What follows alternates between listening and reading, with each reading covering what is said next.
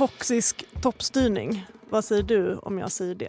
Det låter ju jättejobbigt. Ja, och jag tänker att toppstyrning för mig inte har någon positiv klang från början. Nej. Om den dessutom är toxisk. Den chef som sysslar med det skulle inte jag vilja jobba för i alla fall. Verkligen inte. Men det har vi ju en väldigt känd person som nu har blivit anklagad för. Just det, Miljöpartiets språkrör Märta Stenevi. Det här är A-kursen i ledarskap. Mm, med mig, Emma Frans. och med mig, Clara Wallin. Och Märta Stenevi har ju blivit anklagad för att hon har skapat en outhärdlig arbetsmiljö för sina kollegor. Miljöpartiet har tillsatt en extern utredning efter larm om en dålig arbetsmiljö runt språkröret Märta Ja, Stenevi. när fackliga företrädare nu slår larm om arbetsmiljöproblem kring språkröret Märta Stenevi finns det all anledning för Miljöpartiet att ta de här anklagelserna på stort allvar. Min ledarstil är att jag jobbar väldigt nära mina medarbetare. Jag jobbar med stort förtroende, men också med en tydlighet och en bestämdhet. Vad är det som har varit problemet? Det får den eh, utredningen som kanslichefen ska jag hålla säga reda något? på.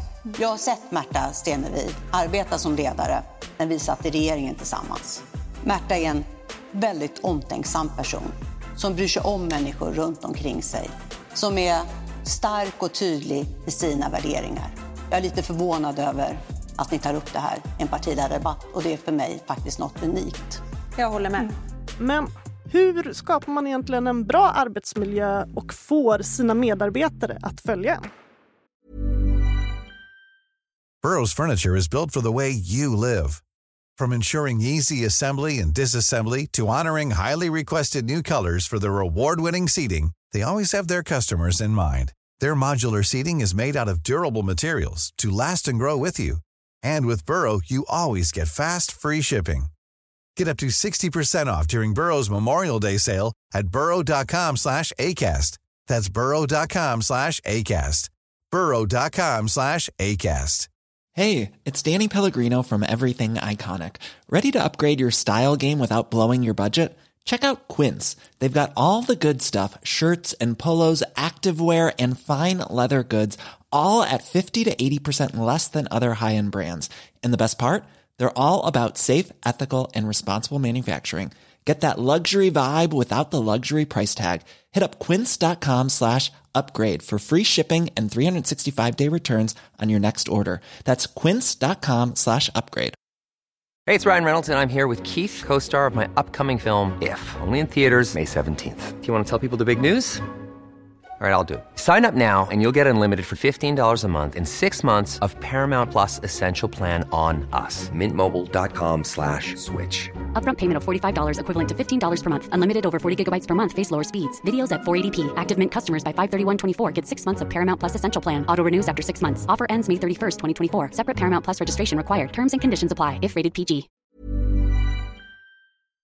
A-kursen sponsras av Akademikernas a-kassa. Det är också Sveriges största a-kassa. Och varför ska man vara med i a-kassan? För att sova bättre om nätterna. För det här är ju någonting som ger en trygghet. Man står inte helt utan pengar om man då skulle bli av med arbetet. Och det är ju jättetråkigt att bli av med jobbet men det blir ju mindre tråkigt om man har safeat upp lite och betalat in 130 kronor i månaden till Akademikernas a-kassa så att man ändå kan få ut upp till 26 400 kronor i månaden. Och om man inte blir av med jobbet så kan man ju vara glad att man bidrar till trygghet för någon annan som förlorar jobbet. Ja, och om man byter jobb då behöver man ju inte heller byta a-kassa just för att det handlar ju inte om exakt vad man sysslar med utan det handlar ju om huruvida man är akademiker eller inte. Och det är vi hela livet. Verkligen, det är vi ju redan som studenter och även studenter är välkomna att bli medlemmar om man har som mål att ha minst 180 högskolepoäng. Så gå in på akademikernasakassa.se a-kursen i ett ord och bli medlem redan idag. Och tryggare kan inga vara än vi medlemmar och Guds lilla barnaskara. Ni två. Mm. Jag tror barnaskaran är större och medlemmarna med. Tusen tack Akademikernas a-kassa för att ni sponsrar A-kursen. A-kursen sponsras av TCO, Tjänstemännens centralorganisation. Föräldraförsäkringen fyller 50 år i år. Hipp hipp hurra! Hurra för dem! Eller hurra för oss! Ja, gud ja. Vi är ett rätt stort gäng som har kunnat njuta av denna föräldraförsäkring som när den kom till kallades för ett vansinnigt förslag av motståndarna. Men den revolutionerade synen på jämställt föräldraskap och utvecklingen mot en mer jämställd fördelning av föräldrapenninguttaget har gått framåt. Men sen 2018 har det stått nästan helt still på den fronten, vilket är ju supertrist. För det här ojämna uttaget skapar långvariga och bestående inkomstskillnader mellan kvinnor och män. Och i snitt går kvinnor miste om 50 000 kronor per år. Och det här innebär ju att pappa pappor missar en massa värdefull tid med sina barn. Så det blir ju en lose-lose situation. Hur hade ni det? Var ni bra på att dela? Vi var väldigt bra på att dela skulle jag säga. Jag tog första delen, men sen hade vi faktiskt också ett upplägg som var jättehärlig. Där vi båda liksom jobbade halvtid och var föräldralediga på halvtid sista liksom perioden innan i alla fall vårt andra barn började på förskola. Så dela mera, säger vi. Eller hur? Absolut. Och för att fira denna fantastiska 50-årsdag som föräldraförsäkringen firar så har TCO gjort en dokumentärfilm ledd av skådespelaren Emma Molin som i lite härlig historieätaranda berättar om vad som egentligen hänt sedan 1974. Så in och kika på den på TCOs sajt. Tack TCO för att ni sponsrar A-kursen. Till vår hjälp så har vi idag Johan Vara som är legitimerad psykolog. Och Han undervisar i ledarskap vid Uppsala universitet. Vad menas egentligen med ledarskap? Vi kan se det från lite olika håll. Ibland kan man höra individuella saker som att man säger så här som att jag ska ta befälet över mig själv. Självledarskap? Ja, exakt. Det kan Ja. man ju höra ibland. Men det är kanske inte riktigt det vi tänker på. Utan det vi tänker på det är när det finns fler än en person, eller hur? Jag ska styra dig, jag ska styra någon annan i en viss riktning mot ett visst mål. Det är det vi menar oftast med ledarskap. Skulle du säga att det är viktigt att vara omtyckt för att man ska bli en bra ledare? Det är ju en sak som ofta efterfrågas. Och slår vi upp kvällstidningar och morgontidningar så är det ofta såna här snabba quick-test i tidningarna. Då handlar det om det. Är du en ledare som folk gillar och uppskattar? Och när man pratar om arbetsmiljön så är det väldigt ofta det som kommer fram. Det är absolut en faktor, för det påverkar arbetsmiljön. Men en minst lika viktig faktor som företaget, organisationen, oavsett om det är privat eller offentligt, är intresserad av, det är också resultatet. Får vi den produkt som vi är intresserade av? Får vi det resultat som vi hade förväntat oss? Och de där sakerna är två lika viktiga saker. Det vill säga, du ska inte vara ett asshole. Men du måste samtidigt våga göra vissa saker för att nå de resultat och de mål vi har sagt upp. Det är alltså en anonym medarbetare till Märta Stenevi som har sagt att hon ägnar sig åt just toxisk toppstyrning. Och det var i början av oktober i samband med att fackförbunden på Miljöpartiets riksdagskansli larmat partiets valberedning om Märta Stenevis ledarstil som beskrevs skapa ett stort lidande hos många av medarbetarna runt henne. Anledningen till att valberedningen fick veta det här just i oktober var för att de då jobbade med att ta fram sina förslag på Miljöpartiets nya språkrör. Märta Stenevi är redan språkrör för Miljöpartiet och ingen annan kvinna har klivit fram och utmanat henne om den posten. Sen Per Bolund gått ut med att han kommer kliva av som språkrör så har 13 personer trätt fram och kandiderat till att bli det nya manliga språkröret. De förslag som till slut lades fram var ju då Märta Stenevi och Daniel Heldén. Och han är ju sedan tidigare riksdagsledamot för Miljöpartiet. Han har också varit sånt här trafikborgarråd i Stockholm. Så att han är en ganska stor profil inom då Miljöpartiet.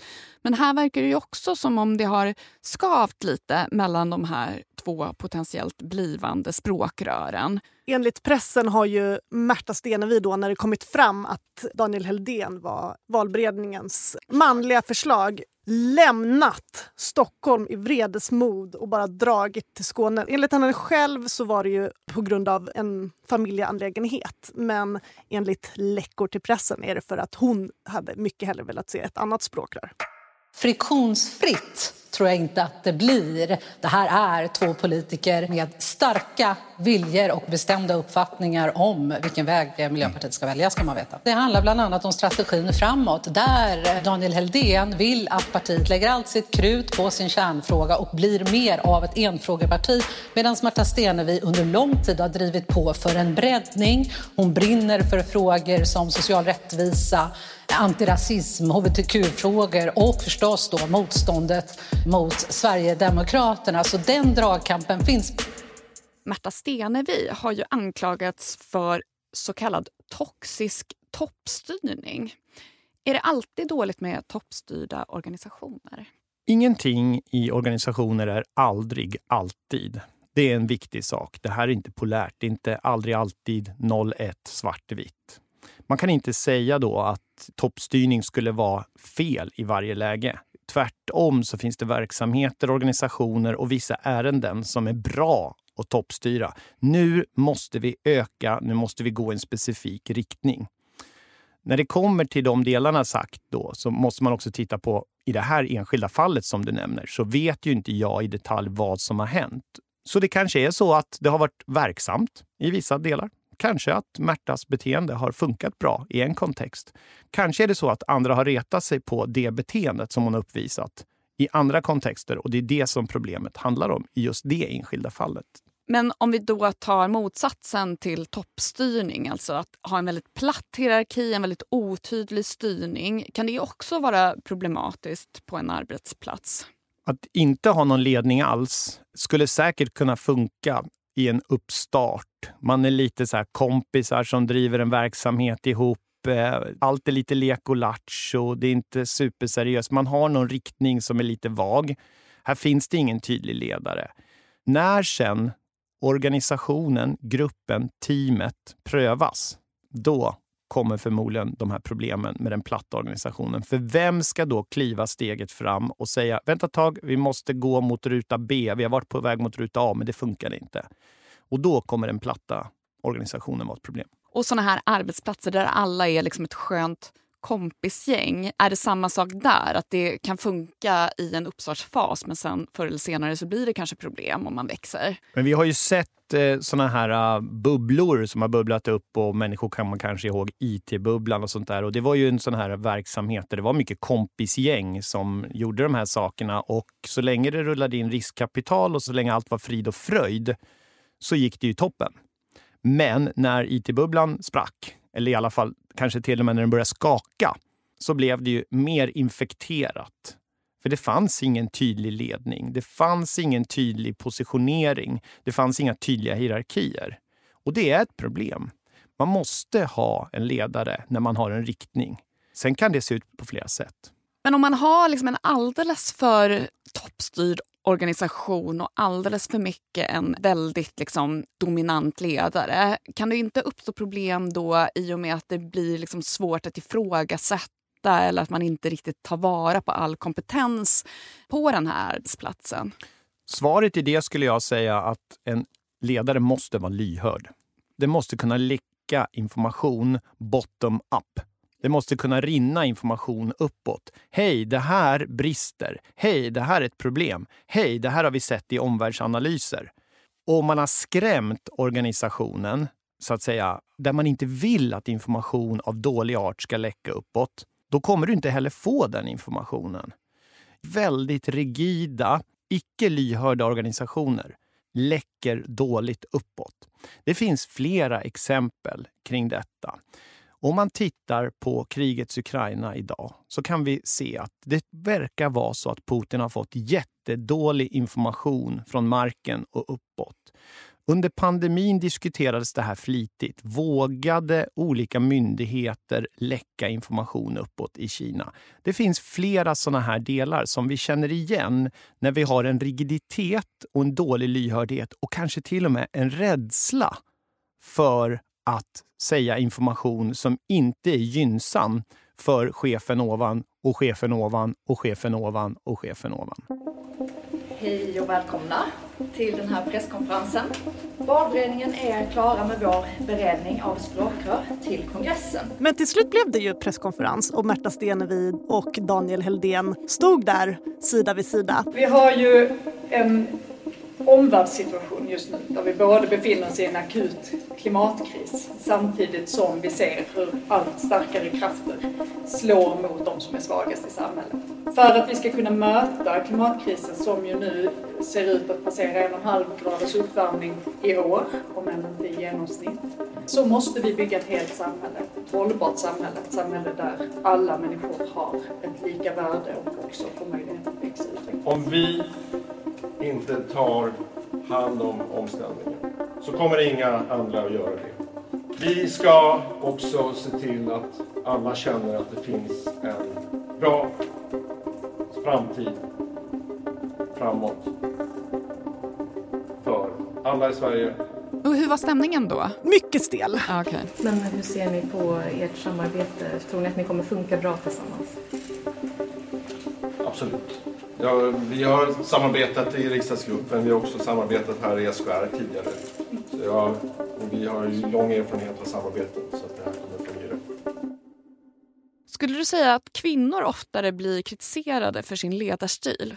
Det där är ju ett hett ämne och område. Och eh, det är ju så här att det kanske finns olika förväntningar på personer givet just könsaspekten. Kvinnor i stor utsträckning förväntas kanske ligga lite mer på det här spektrat av att vara varm, inkännande och ligga högt då på den här relationella delen. Det är den stereotypa bilden av kvinnan. Den stereotypa bilden av mannen är hoppa upp, rulla runt, spela död, det vill säga ordergivning. Ungefär som i den militära organisationen. Där har vi två stereotyper. Och vad vet vi om stereotyper? Jo, vi vet att när stereotypen inte uppvisas, då blir det lite dissonans i huvudet. Så här, Nej men vänta ett tag, det var inte alls det här jag förväntade mig. Och därför så kan hårdförda kvinnor då kanske få en liten mer nit av sin följarskara.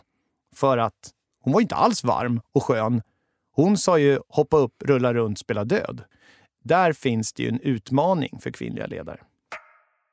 När Miljöpartiet bildades 1981 ville man inte ha någon officiell ledning. Varken partiledare eller partistyrelse skulle finnas. Istället enades det kollektiv av miljövänner som formade partiet att det skulle företrädas av den som för tillfället var sammankallande i partiets politiska utskott. På hösten 1984 inrättades ett system med två språkrör. Bakgrunden var att man ville betona att partiledaren inte ensam stakade ut den politiska riktningen eller styrde partiet, utan att det sköttes av ett kollektiv. Språkrörens roll är därför enbart att föra ut partiets politik till allmänheten. Men hur mycket måste de egentligen vara buddies, undrar jag? För att jag menar på något sätt så Miljöpartiet känns ju ibland som ett lite spretigt parti och då kanske inte gör så mycket att båda de här ytterligheterna är lite representerade. Jag tror det är superviktigt. Ska man ha en organisation, ska man uppnå stora saker tillsammans, då måste ju alla dra åt samma håll. Och det är nog inom alla typer av organisationer och företag och sådär att man kan nog aldrig bli framgångsrik om man inte har en, en ledare, tror jag helst, istället för två, som liksom pekar ut riktningen. Men det där är ju också kanske någonting som är lite illustrativt för Miljöpartiet. Man vill ha en sorts ganska platt hierarki. Man vill inte att det ska vara liksom en partiledare som pekar med hela handen utan man vill ha de här språkrören. Då. Man vill ha en platt organisation. Och då kanske det nästan finns ett sorts motsatsförhållande mellan att vara liksom språkrör i en platt organisation och att vara en stark ledare. Men om det nu då är toppstyrt enligt Märta Stenevis kritiker inne på riksdagskansliet så verkar de ju ändå inte lyckas med att ha en platt organisation, även fast det verkar vara idealet. Men det är dem. kanske det jag menar, att det är svåra förutsättningar. Att det blir på något sätt att man ska ha en ledare, man ska ha någon som kan göra att man når vissa mål som man sätter upp och samtidigt så är förväntningarna att man ska ha en väldigt platt organisation och inte så tydliga hierarkier. Och då är det kanske inte helt lätt att bli någon sorts ledare i en sån miljö? Jag tror att den gamle SAS-vdn Janne Karlsson inte skulle hålla med dig. För han har ju verkligen gjort sig ett namn som ledare och han blev vid 32 års ålder vd för Vingresor. Sen fyra år senare för Linjeflyg och sen fick han det här tjusiga jobbet som koncernchef på SAS. Och jag tycker verkligen att man kan betrakta honom som just då en stark ledare. Men han ogillar toppstyrning och såna här superhierarkiska organisationer så mycket så att han har till och med skrivit en ledarskapsbok som heter Riv pyramiderna. Och då, han menar då med en så här pyramidorganisation är att de som fattar beslut i toppen är väldigt långt från marknaden som är längst ner. Och hans då ledarskapsfilosofi är att man ska riva de här pyramiderna och det viktiga som ledare är att informera sina anställda vilken riktning man har. Och sen är det upp till var och en att fatta egna beslut. En chef ska inte instruera sina anställda vad de ska göra utan ska staka ut en riktning och sen är det upp till var och en att själv fatta beslut för att ta sig dit. Och att man genom att delegera ansvaret, då blir det ju inte alls toppstyrt utan då har alla ansvar men man vet vart man ska. En instruktion kan vara en stor instruktion. Vi är på väg i den här riktningen. Det är också en instruktion. Det är inte en detaljinstruktion till följare. Inte till de närmsta mellancheferna och inte hela vägen ner till följarskaran. Sen kan man behöva ibland göra i princip punktlistor, checklistor. Då detaljstyr man. Och det är så här, återigen, va? aldrig alltid. Det ena är inte rätt i den ena kontexten, det andra är inte fel i den andra och så vidare. Att man måste hela tiden se till vad är det jag ska göra nu? Vad är det jag som ledare, snedstreck chef, ska göra just nu? Och har vi tittat på det och förstått det, och då vet vi att här ska vi detaljstyra. Här lägger vi en bredare beskrivning. Och så ser vi att okej, okay, det där föll väl ut. Så fortsätter vi jobba på det sättet.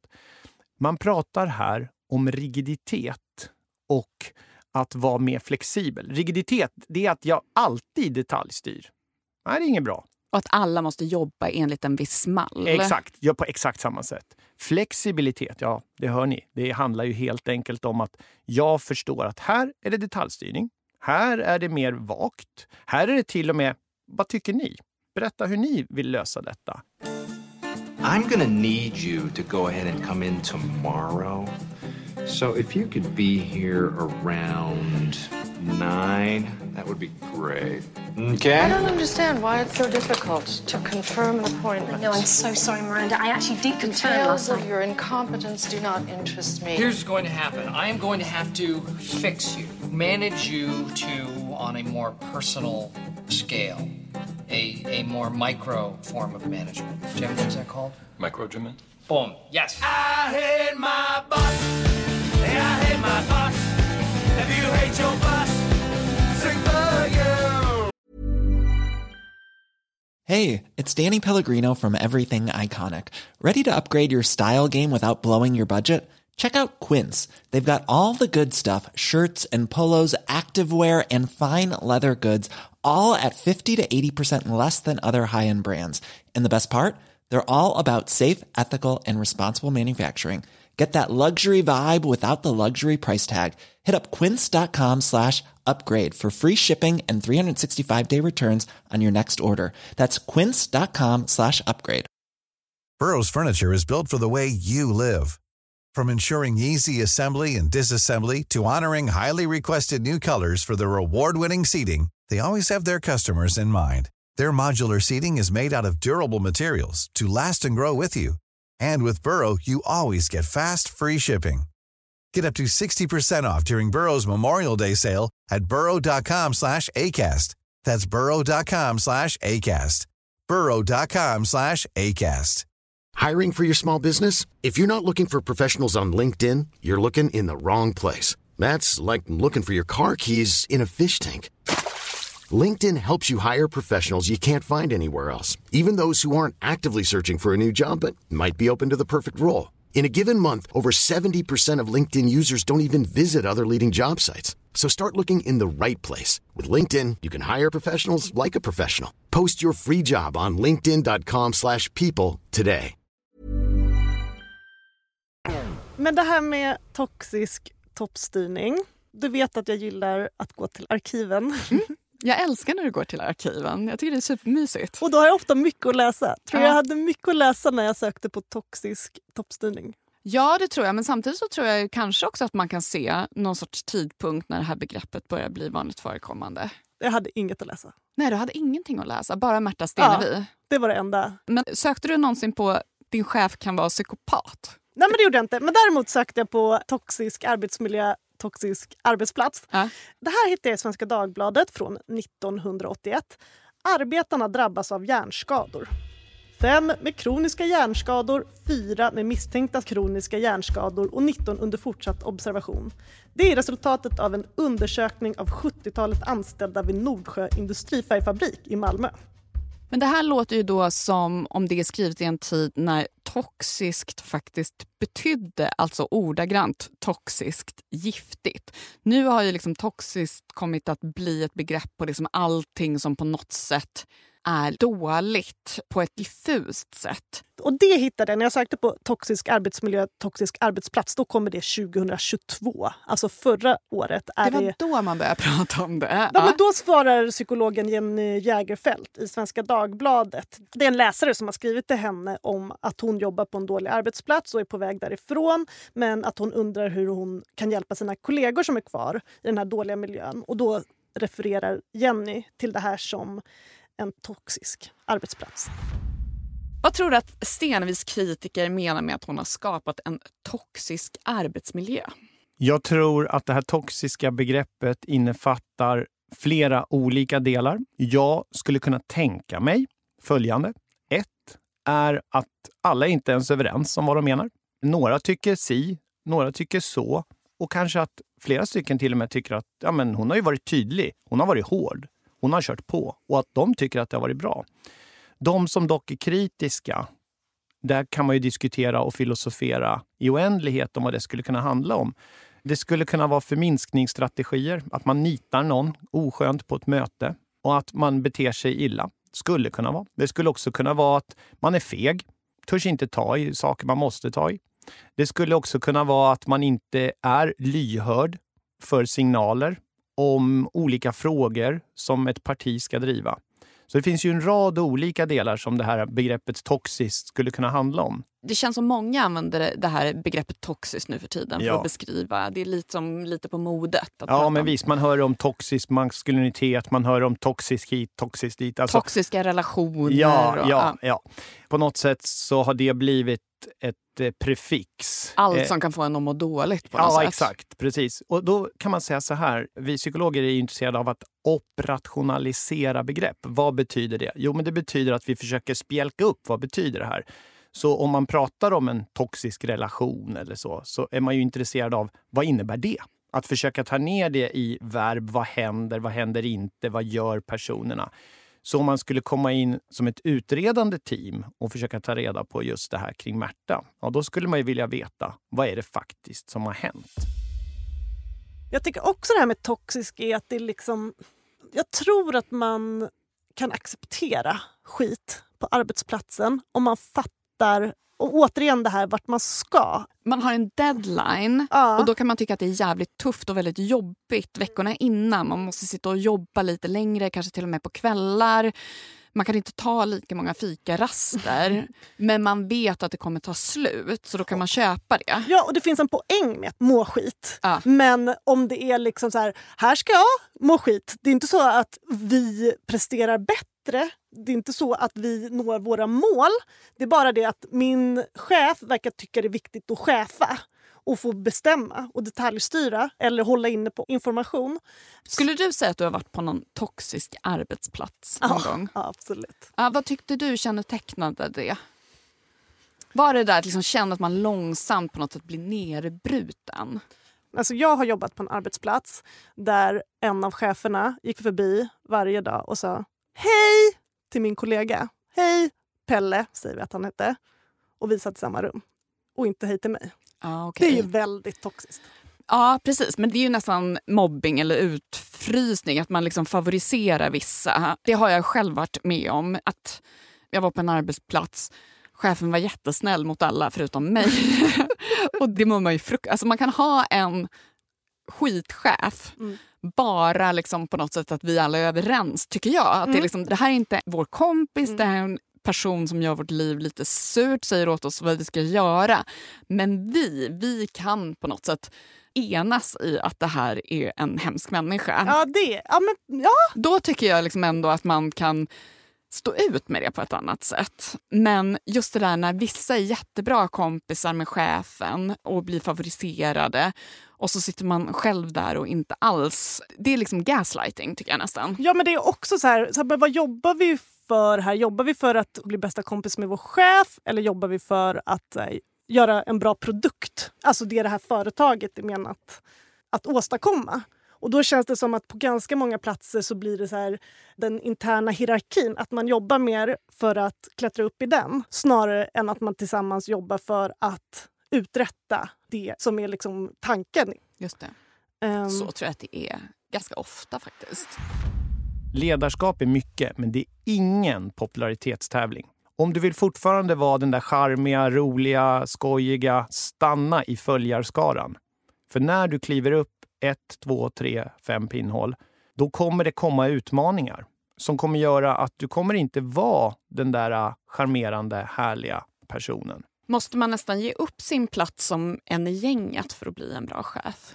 Men det är lite det som är grejen med det här. Det är att du kanske inte kan vara med på paddel och AV och sådär. Och en intressant sak som jag kanske inte kan säga att det finns forskningsstöd för, men riktlinjer i det där stora landet i väster, i USA, idag, det är att drick inte med följarskaran. Och då tänker någon så här, ha det här är kopplat till metoo och övergrepp och sådär. Nej, faktum är att flera av de case man har tittat på har att göra med att man under berusning har varit för skön. Man har lovat saker. Så personen kommer tillbaka sen och säger ja, nu vill jag ha mitt nya tjänsterum som vi pratade om i fredags. Och personen bara oh my god, det här vet jag inte hur jag ska ro i land.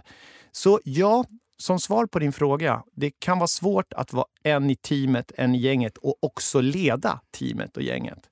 Det är en utmaning. Så man får börja spela paddel och ta en AV med de andra cheferna kanske? Exakt så. Exakt så. Och hur skulle du säga då att man får till generellt en arbetsmiljö som får folk att må bra på arbetet? Det finns ju en rad olika saker som gör att man trivs på sin arbetsplats. Det kan ha att göra med fysiska arbetsmiljön, om vi börjar i den änden. Inte oviktigt. Hur är det med lokaler? Hur är det med rum? Hur är det med tilldelning av olika saker som fordon, datorer, arbetsytor, ljusinsläpp, ventilation? Sen har vi den psykosociala arbetsmiljön och där måste man ju gå till sig själv och jobba med sig själv.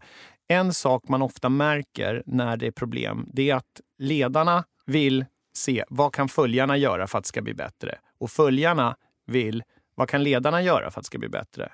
Och så kommer jag in från sidan så säger jag, både ledare och följare måste jobba med sig själv. Det här med parterapi och familjebehandling och sånt där, det är besläktat. Hur är det besläktat? Jo, det är besläktat genom att det är en socialpsykologisk interaktion. Och det är din organisation, det är din parrelation, det är din familj. Så precis som man jobbar i alla de här tre skikten, och i skolans värld också för all del, det är att titta på vad gör de olika personerna? Hur ser de på olika företeelser? Om jag är ledare så kanske du, Emma, tycker att jag är jättebra som ledare. Men Klara tycker jag är ett asshole. Okej, okay, bete mig olika mot dig och Klara. Är det det? Eller är det ni har olika förväntningar på mig? Vad är det för någonting som sker? Ja, det kanske visar sig när konsulten kommer in så är jag annorlunda mot dig än mot Klara. Och då har vi en utmaning. Här måste jag jobba med mig själv, med mina ledarbeteenden. Inte mot dig, det är bara att fortsätta. Men jag måste ändra min strategi i kontakten med Klara. När det finns krafter som tycker att vi bara ska prata om klimat och miljö så är det ju för att man vill behandla det politikområdet som någonting separat, något typ av särintresse. Jag menar ju att den kris vi står i beror på att vi har byggt ett djupt orättvist samhälle och vi kan bara lösa klimatkrisen om vi bygger ett hållbart samhälle som hänger ihop. Och det här har ju varit en del diskussion om inom Miljöpartiet. I vilken utsträckning man ska prioritera och fokusera på framförallt miljö och klimatfrågan eller om man ska ha ett bredare perspektiv som du målar upp här. En av de här kandidaterna som ställer upp som eh, kandidat till språkrör, Daniel Heldén, han sa i en intervju att han tycker att det har fokuserats för mycket på andra frågor och prioriterats för lite klimat och miljö. Han sa att varje gång ett språkrör talar om något annat än eh, miljö och klimat så är det en missad chans för oss att prata om våra kärnfrågor. Mm. Håller du med honom? Nej, det gör jag inte.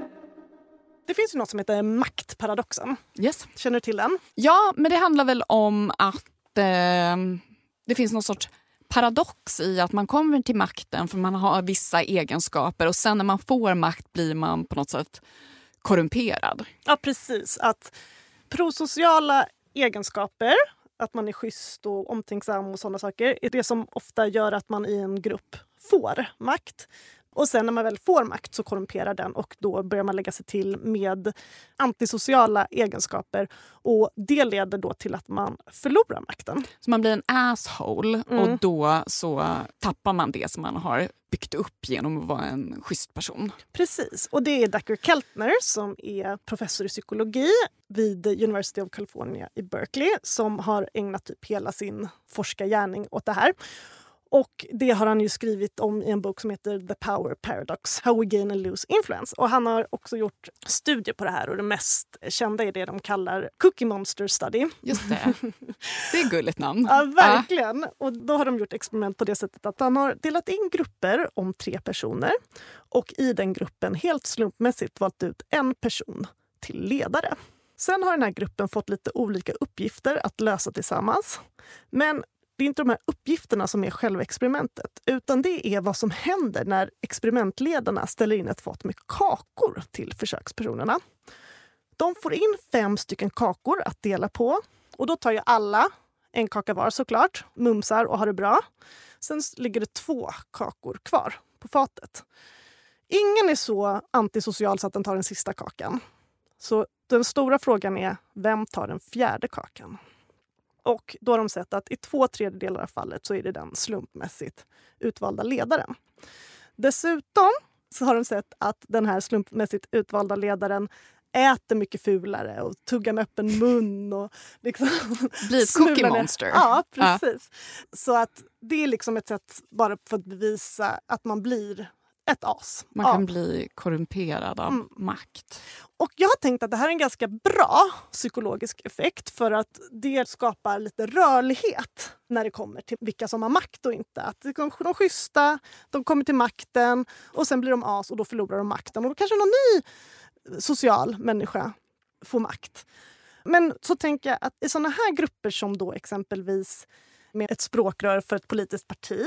Hennes popularitet är ju inte avhängt hur hon är i sin arbetsgrupp utan hennes popularitet ligger ju ute hos folket. Det är ju den populariteten som räknas. Och jag tänker också det när det är stjärnor. Om det, är liksom en, det känns som att det är väl mer regel än undantag att man har hört om superstjärnor som inte är så trevliga mot sina assistenter och sånt där. Men att det får ju inte dem att förlora makt. För att anledningen att de sitter på den maktpositionen de gör beror ju inte på hur de agerar i sin lilla grupp. Ja, men jag fattar att det är på något sätt det är två olika miljöer här som påverkar. Att det finns en miljö som boostar en person rent maktmässigt. Och sen så är det en annan miljö som får ta skiten men som kanske inte då har mandat att liksom få bort den här ledaren. Precis. Och jag tänker att om det är nu så att Märta Stenevi har blivit korrumperad av makten och faktiskt blivit otrevlig så är hon säkerligen inte ensam om det. Utan alla ledare vars makt inte är avhängd populariteten på arbetsplatsen riskerar att bli riktigt osköna. Men jag tänker en lösning på det här, att ta reda på hur det egentligen ligger till med Märta Stenevi, det är ju att någon skulle se till att det finns väldigt mycket kakor där på nästa presskonferens. Så får man se hur mycket liksom hon smular Mm. och hur mycket hon ser ut som ett kakmonster när hon äter. Jag tänker om det skulle bli en sån här ny sonderingsrunda som talmannen måste utföra. För att Mm. Ja. han brukar ju verkligen bjuda på kakor. Då vet vi varför! Ja men exakt, han försöker ta reda på huruvida de är kakmonster eller inte. Mm. Och makten har korrumperat dem. Han, han är smartare än vad vi trodde.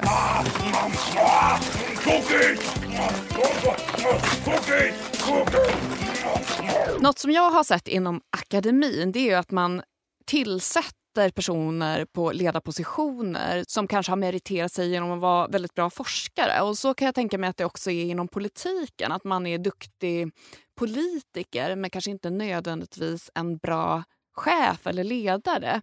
Är det vanligt att man tillsätter chefer på andra meriter än just bra ledarskap? Väldigt vanligt. Man tar den bästa kirurgen, man tar den bästa forskaren som du nämnde, man tar den bästa i vad det nu är. Och så tänker man att om hen är jättebra på den här saken så kommer den förmodligen kunna leda vår team, vår grupp, eh, vår organisation, vad det nu kan tänkas vara. Det är inte alls säkert. Det kanske är så att man till och med är ganska dålig ledare, men man råkar vara svinbra på den här delen man håller på med, om det så är kirurgin, om det är forskningen eller vad det nu kan tänkas vara. Och då blir det kollision och fel. Dessutom så uppstår ett ytterligare problem. Man tar bort en kraft som är väldigt skicklig på detta och sätter den på ledarskap, på admin och annat som personen ett inte är bra på och kanske inte ens efter ett tag trivs med. Både Johan Vara har pratat om det och Janne Karlsson, nu min nya ledarskapsidol, att här, man måste vara resultatinriktad. Och om Miljöpartiet inte vet vad de har för mål, vart det är de ska, det är väl klart att det blir en så kallad toxisk arbetsmiljö. Ja, oavsett vilken person man har där så är det ju väldigt svårt att leda en flock som inte liksom har en tydlig riktning. Men även när det kommer till andra politiska partier så känns det som om många har någon sorts identitetskris där man inte riktigt vet vad man vill göra, vilka är vi villiga att samarbeta med. Och det är kanske är också därför det ändå är ganska... Det är ju inte bara Marta Stenevi som har fått kritik på sistone utan det är ju även andra partiledare som har kritiserats. Ja men verkligen, det tycker jag man läser hela tiden om. att så här, Vad har våra politiker för visioner? Egentligen. Och att bara sätta sig ner och så var är vi nu och vart ska vi? Det kanske inte bara Märta Stenevi borde göra utan alla ledare. Både för politiska partier och... Men också andra organisationer. Verkligen. Det här var A-kursen i ledarskap. Jag har blivit både inspirerad och lite avskräckt från att bli ledare. Det känns lite tråkigt liksom. Jag tror att vet man vart man ska så kan det vara jättekul att vara ledare. Att bara så här leda en skock människor lite så här utan riktning, inte så kul. Så jag tror bli ledare Emma, bara vet vad du vill med det. Ja, jag kanske måste först börja med att få den här tydliga målsättningen mm. och sen då få med mig folk. Och så får jag väl helt enkelt gå ut och festa med, mina, med dig eller mina gamla kompisar. Ja. Och eh, så kan du ju lyssna på överkursen med dig och ja, Johan Bara. Men det tycker jag man ska göra mm. för där lyckades vi ju då ännu mer djupdyka i liksom ledarskap. Och ledarskap handlar ju inte bara om att leda ett parti eller att vara chef på en arbetsplats utan ledarskap kan ju också vara någonting som sker i olika typer av mellanmänskliga relationer. Och hela den intervjun kommer alltså på torsdag i överkursen. Och så har vi en tenta på Instagram i ledarskap som ligger i våra händelser. Och Det gäller att vara snabb och bästa sättet att hinna göra vår tenta det är ju naturligtvis att följa oss på Instagram. A-kursen understreck podd. Och följ oss gärna i din poddapp. Och det här avsnittet har spelats in på Beppel.